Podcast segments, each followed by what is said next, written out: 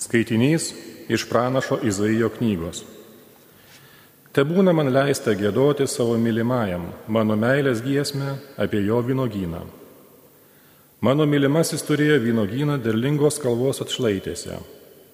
Jis išpūreno žemę, išrinko iš jos akmenis ir apsodino rinktinėmis vynogėmis. Viduryje pastatė bokštą sargui. Įsirengė jame net vyno spaudyklą. Tada tikėjosi, kad jis augins vynogės, bet prieaugino rūkštlogių. Dabar tad Jeruzalės gyventojai ir judo vyrai, prašau jūs spręsti mano ir mano vynogino bylą. Ką dar turėjau padaryti savo vynogynui, ko aš jame nepadariau? Kodėl jis prieaugino rūkštlogių, nors aš tikėjausi, kad jis ves vynogės? Dabar jums pasakysiu, ką ketinu daryti su savo vynogynu išrausiu gyvatvorę ir jis bus nuniokiotas, nugriausiu sieną ir jis bus ištryptas. Taip, paversiu į dykvietę, nebus jis genimas nei purenamas, apžels raškiečiais ir usnimis. Debesims įsakysiu, kad nelietų ant jo lietaus. Galybių viešpaties vynogynas yra Izraelio namai, o daigai, kuriais jis gerėjosi, yra judo vyrai. Jis laukia teisingumo ir štai kraujo liejimas. Jis laukia teisumo ir štai klyksmas. Tai Dievo žodis.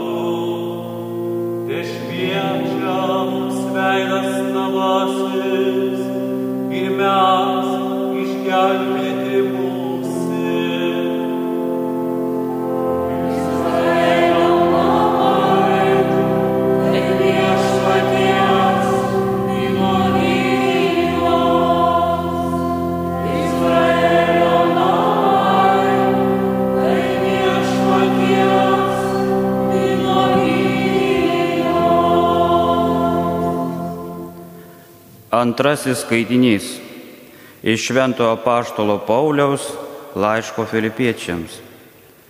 Broliai ir seserys, nieko per daug nesirūpinkite, bet visuose reikaluose malda ir prašymu su padėka jūsų troškimai tiesidaro žinomi Dievui. Ir Dievo ramybė, pranokstanti visokią išmintį, sergės jūsų širdis ir mintis Kristuje Jėzuje. Pagaliau, broliai ir seseris, mąstykite apie tai, kas teisinga, garbinga, teisų, tyra, mylėtina, giriama, apie visą, kas dorybinga ir šlovinga. Darykite, ką tik iš manęs išmokote ir gavote, ką girdėjote ir matėte manyje, ir ramybės Dievas bus su jumis. Tai Dievo žodis.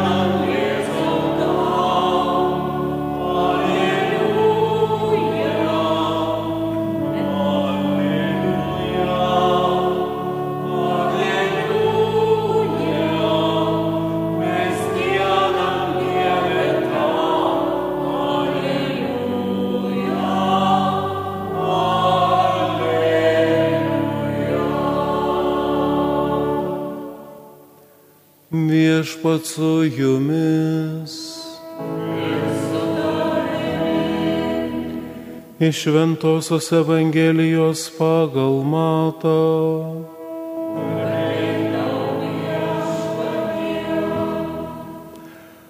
Anu metu Jėzus kalbėjo aukštiesiems kunigams ir tautoms seniūnams.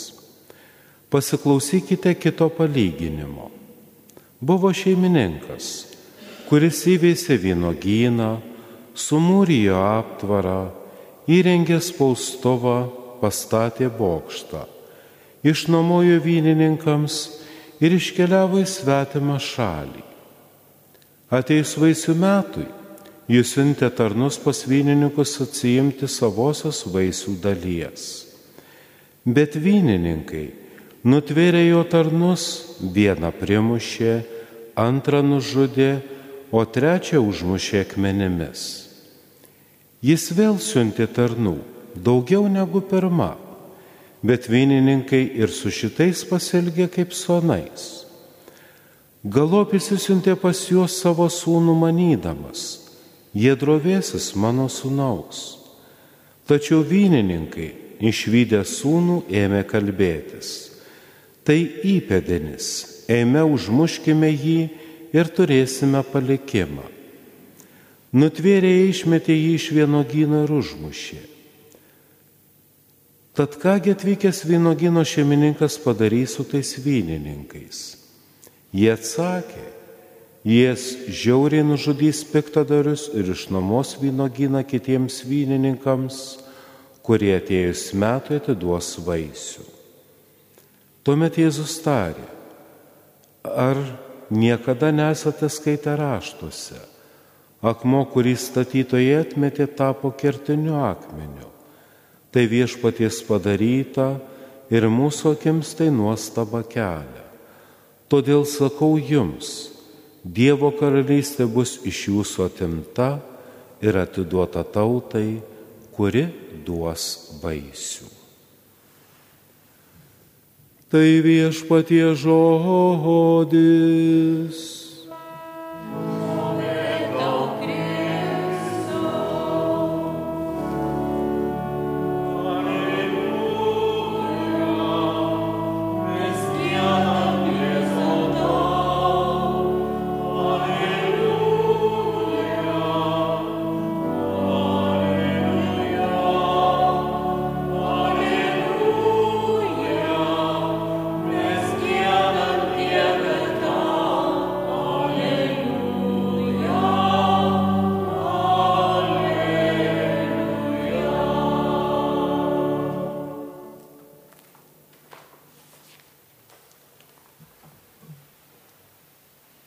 Sekmadienio Evangelijoje girdime palyginimą, kurį viešpats kalba aukštiesiems kunigams ir tautos seniūnams. Tuo metu aukštuomeniai, tuo metu gudriesiems ir tie, kurie vadovavo žydų tautai. Ir kalba palyginimą apie vynogyną, apie derlių.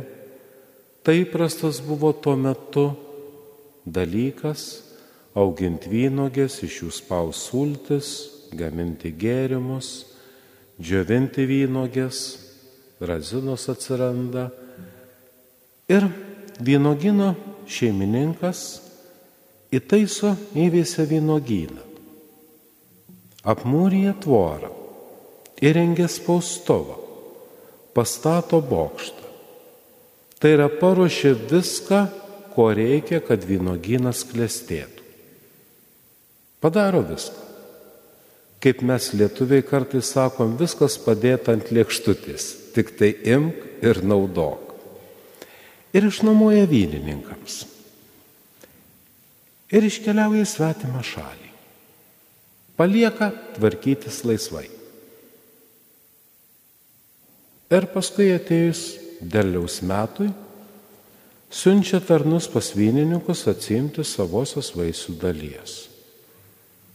Ir čia jau prasideda ne visai linksmi dalykai.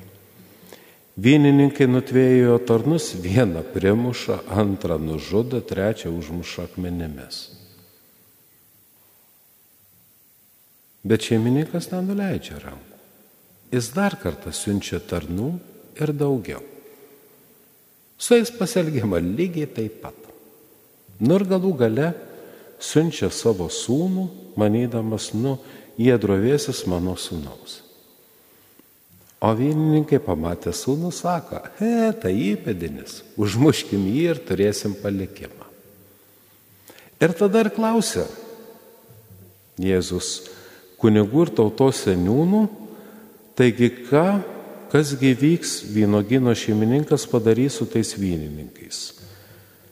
Nu ir jie sako, kad jis nužudys piktadarius ir išnuomos vynoginą kitiems vynininkams, kurie atėjus metų atiduos vaisių. Tai yra, man padarė blogą, aš to pačiu blogiu irgi taip pat atsilyginu ir gal netgi ir daugiau. Ir šitie vynininkai pamiršo vieną dalyką, kad šeimininkas vynogyną jiems nepadovanojo, bet išnuomojo, kad dirbtų, stengtųsi ir būtų derlius. O tie vynininkai galvoja, kaip čia pasiglemšti viską savo ir kad turėtų. Ir bet kokios priemonės, bet kokie metodai yra tinkami, kad tik tai turėt ir kuo daugiau. Ir kartais turbūt mes būnam panašus į tuos vynininkus, kuriems niekada negana ir reikia vis dar ir dar, ir tiems, kurie nevertinam tai, ką turim. Ir šis Evangelijos palyginimas tai yra apie šeimininką, tai yra apie Dievą, kuris sukuria pasaulį, viską padaro, ir atiduoda žmogui naudotis visomis gerybėmis. Naudotis ir kurti ir toliau viską vystyti bei plėtoti. Ir tai, ką mes turim ir šiandien aplink save, tai, ką turim tas dovanas, kurias turim, tai yra Dievo dovana, tai ne mano. Ir tą pačią žemelę, kurią turim, iš Dievulio esam gavę. Ta pačia laisvė, kurią džiaugiamės šiandien, taip pat iš Dievulio esam gavę. Ta pačia taika, kur džiaugiamės, kad nėra karo pas mus. Irgi galim pasidžiaugti, kad Dievas saugo ir dovanoja mums taiką. Ir netgi ir mūsų gabumai ir sugebėjimai tai irgi yra Dievo dovana. Kiekvienam skirtinga, kiekvienam savotiška, bet tai yra Dievo dovana ir kaip mes tomis dovanomis naudojamės. Ar mes žiūrim, kad tik tai būtų man, ar dalinamės su kitais, kurie yra šalia. Ir kai daliniesi, tai visada yra ir smagu, ir džiugu, ir yra sakoma, kad duodanti ranka niekada nebūna tuščia. O kada mes imam, delniukas susispaudžia ir jau viskas ten nieko nebeidėsi. Tai vad viešpas mus ir kviečia būti dosniais ir dalintis. Ir šiandien mes minime švenčiausią mergelę Mariją kaip rožinio karalienę. Ir istorijos bėgiai yra taip pat buvę daugelis įvykių, kada rožinio malda išgelbėdavo ir tikėjimą, ir viduramžiais, kada vykdavo įvairios kovos dėl tikėjimo ir dėl kitų dalykų, su rožinė malda tikinti žmogus visada nugalėdavo. Ir kalbant apie mūsų laisvę, tikriausiai ir mes galim pasakyti, kad mūsų tėvinės laisvė taip pat yra išmelsta per rožinę maldą kada ir mes ir prie parlamento buvom, ir prie televizijos bokšto ir visur kitur, stovėjom netušti, bet stovėjom su rožinė rankose. Ir rožinio malda galingesnė netgi už tanką. Tai va, tai šiandien mes švenčiam mergelę Mariją kaip rožinio karalienę, kaip mūsų dangiškąją mamą, ir kur Marija visada rodė į savo sūnų. Ne į save, bet į savo sūnų. Ir kada Marija apsireiškė Šilovoje stovėjant akmens, pasiemusi kūdikį ir verkė, ir kaip emenėlė klausė, ko verki, Marija sakė, dabar čia arima ir siejama, anksčiau čia buvo garbinamas mano sūnus. Ir Marija rodo ne į save, bet į sūnų, į tai, kas yra brangiausia. Viešpas mus šiandien taip pat kiekvieną, kad ir kur mes bebūtumėm, kad ir ką beveiktumėm, ar būtumėm prikaustyti lovos patale, ar užsiimtumėm kažkokią tai veiklą ir galėtumėm kažką padaryti, taip pat ir mus kviečia bendradarbiauti ir padėti ir pagelbėti vienas kitam. Ir atrodytų, kad žmogus gulintis lovai nieko negali padaryti. Jis gali labai daug. Jis gali melstis, gali prašyti, gali dėkoti, gali garbinti. Galų gale savo kančią aukoti už kitą žmogų, už kitus žmonės, už bendrus reikalus. Tai vad ir kaip tie vynininkai, kuriems buvo atiduotas vynogynas, naudotis juo, žiūrėjo, kad kaip tik tai pasiglemšt, tai viešpas mus kviečia naudotis, neieškoti naudos savo, bet darbuotis, netinginiauti ir darbuotis taip, kad galėtumėm ir patys turėti, ir pasidalinti bei padėti vienas kitam. Daug nereikia, užtenka paprastų mažų dalykų gerumo, nuoširdumo, atjautos ir dėmesio vienas kitam. Ir šiandien Marija taip pat mus irgi kviečia, kaip ji mylėjo savo sūnų ir myli, taip ir mes, kad stengtumėmės mylėti vienas kitą. Amen. Išpažinkim savo tikėjimą. Tikiu į vieną Dievą, visą gali tėvą, dangaus ir žemės, regimosios ir neregimosios visatos kurėją. Tikiu į vieną viešpatį Jėzų Kristų, vienatinį Dievo sūnų, prieš visus amžius gimusi iš tėvo, Dievą iš Dievo, šviesą iš šviesos tikrą Dievą iš tikro Dievo, gimusi bet nesukurta, esanti vienos prigimties su tėvu, per jį visa yra padaryta. Jis dėl mūsų žmonių, dėl mūsų išganimo nužengė iš dangaus. Šventosios dvasios veikimu priemė kūną iš mergelės Marijos ir tapo žmogumi. Valdant poncijai pilotui, jis dėl mūsų buvo prikaltas prie kryžiaus, nukankintas ir palaidotas, kaip šventajame rašte išpranašauta, trečiąją dieną prisikėlė iš numirusių, įžengė į dangų ir sėdi Dievo tėvo dešinėje. Jis vėl garbingai ateis, gyvųjų ir mirusiųjų teisti, ir viešpataus per amžius. Tikiu į šventąją dvasę, viešpatį gaivintoją, kylančią iš tėvo ir sūnaus, su tėvu ir sūnumi garbinama ir šlovinama, kalbėjusią per pranašus. Tikiu vieną šventą visuotinę apaštalinę bažnyčią. Pripažįstu vieną krikštą nuodėmėms atleisti. Laukiu mirusiųjų prisikėlimo ir būsimo amžinai gyvenimo. Amen.